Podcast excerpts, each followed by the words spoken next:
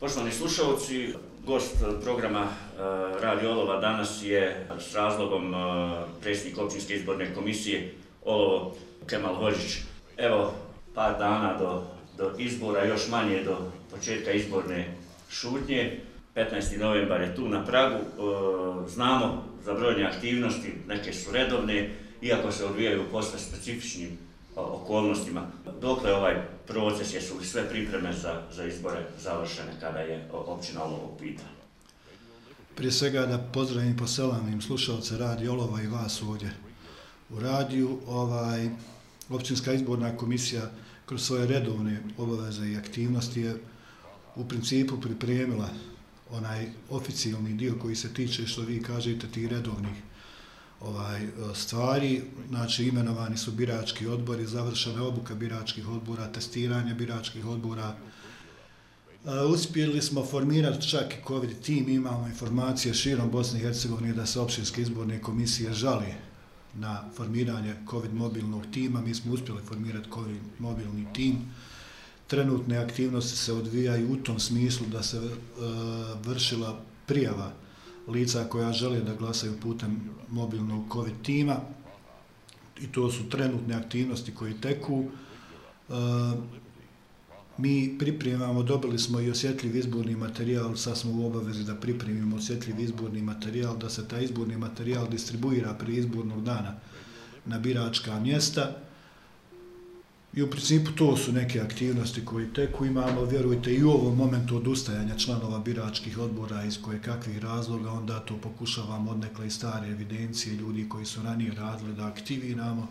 To za sobom povlači naknadnu obuku, da, da je nazovem do obuku, uglavnom se, sve ide manje više onako kako smo i očekivali da će. Dvije su stvari evo na ovom formu o kojem govorite sad, uh, ključne, odnosno obilježile ovo pandemijsko vrijeme, uh, upravo ovo, ovo desetkovanje pojedinih biračkih odbora usred, evo, onaj, izolacije, usred pozitivnih slučajeva, procedure je tako nalažu prema dakle, izbornom zakonu da svaki član ima svog zamjenika, pa se evo, događalo u opštini čitam stari grad, da i zamjenik i, i ovaj, budu pozitivni ili budu u izolaciji. Uz sve to, dakle, e, postavlja se pitanje šta će se dogoditi za one osobe koje u ovih dan, dva, dakle, e, budu postojalo ono 72 sata prijave, kako, kako postupati? Da vam ka, govorite sad o mobilnom korona timu, da. tako?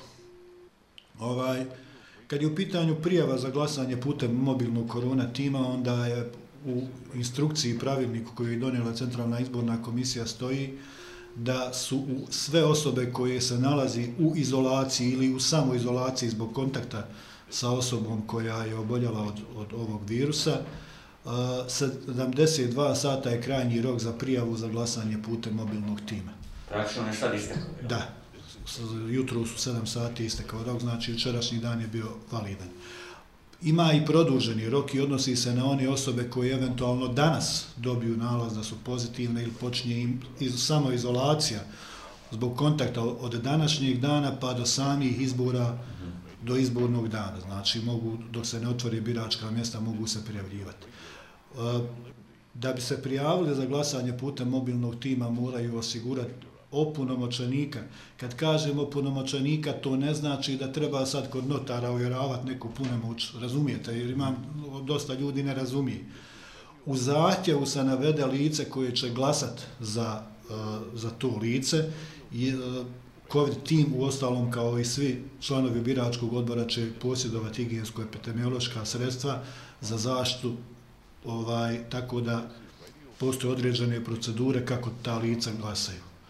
Da. Ne objašnjavam da ne ulazimo sad u tu problematiku rada biračkog odbora, ali je samo stvar u tome ovaj, da ne bi bilo nejasnoća sva lica koja su u izolaciji prije dobili rješenje ili su u iz, samoizolaciji ili u izolaciji prije ovih 72 sata rok za prijavu je istekao, nažalost. I bitna je stvar da u zahtjev treba da se onaj e, dostavi određena vrsta materijalnog dokaza da su navodi zahtjeva ispravni i tačni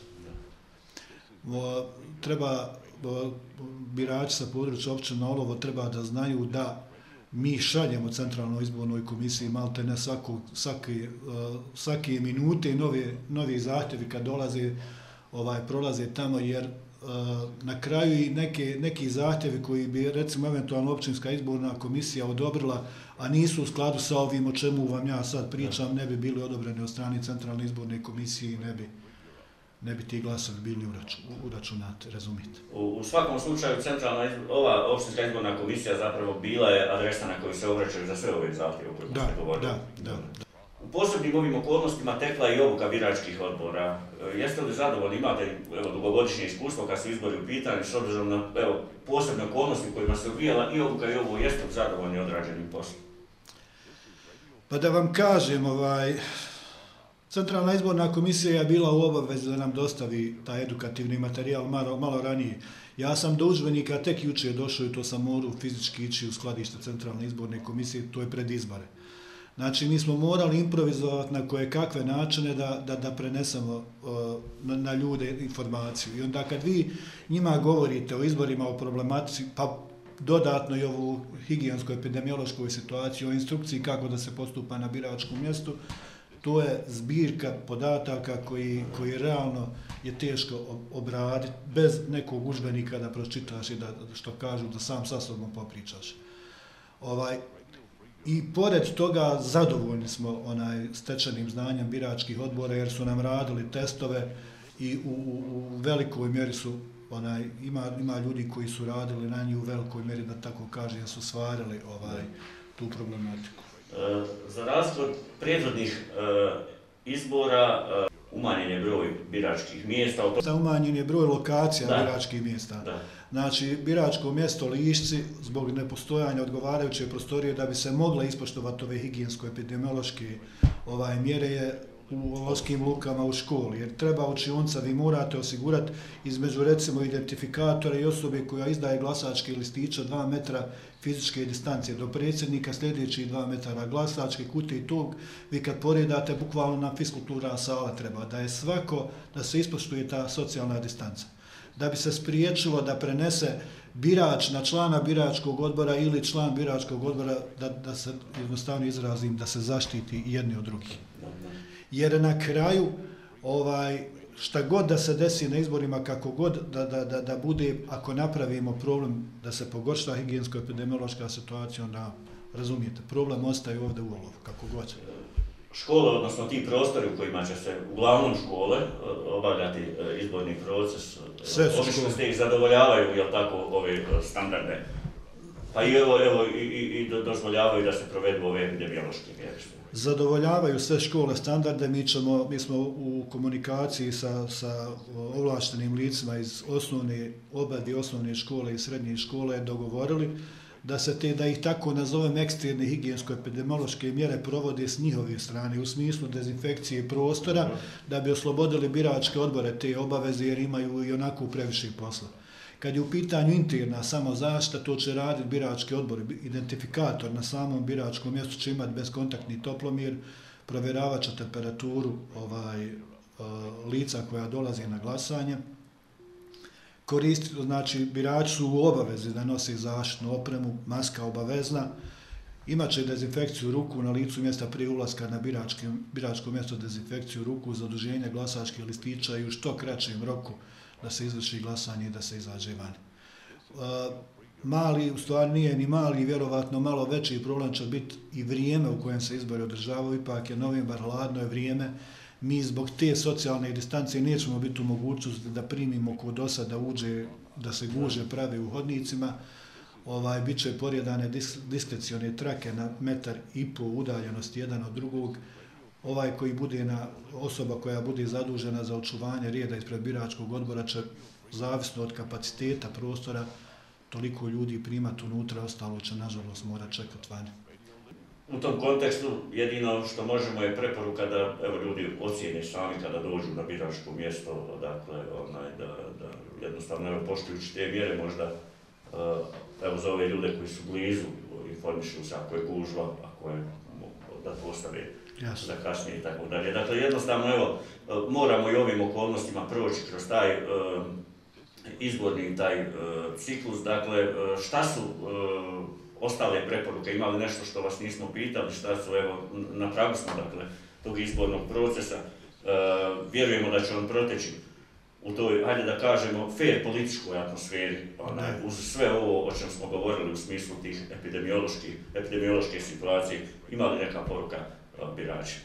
Ja, jedina poruka koja bi bila, mislim, sad adekvatna u ovome vremenu i na što, na što posebno pažnju obraćamo, kad su u pitanju ove redovne aktivnosti, to nije problem, to će se proveti. Ostaje problem samo ova higijensko-epidemiološka situacija, provođenje mjera samozaštite i kolektivne zaštite da sačuvamo i sebe i lice do sebe, da se koristi zaštna sredstva, znači maska obavezno, na otvorenom prostoru, ako narušava se socijalna distanca obavezno, maska, ako već ste u stanju da osigurate socijalnu distancu, onda je već druga priča.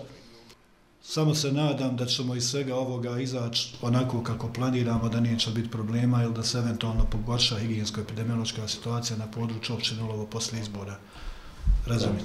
Da, dijelim tu vašu nadu i očekivanja. Hvala vam što ste izdvojili vrijeme i naravno, evo, sarađivat ćemo, bit ćemo i na dan izbora u, u, kontaktu, izvještavati naše slušalce, naše građane, kako teče ovaj izborni prostor. Gospodine Hodiću, hvala vam što ste izdvojili vrijeme i govorili za naš program. Hvala i vama i zahvaljujem radi Olovu što je svake godine onaj uz općinsku izbornu komisiju sve stvari koje treba da se javno objavi bez problema, protiču sve da imamo saradnju ono što se kaže za poželjiti. Hvala jednom.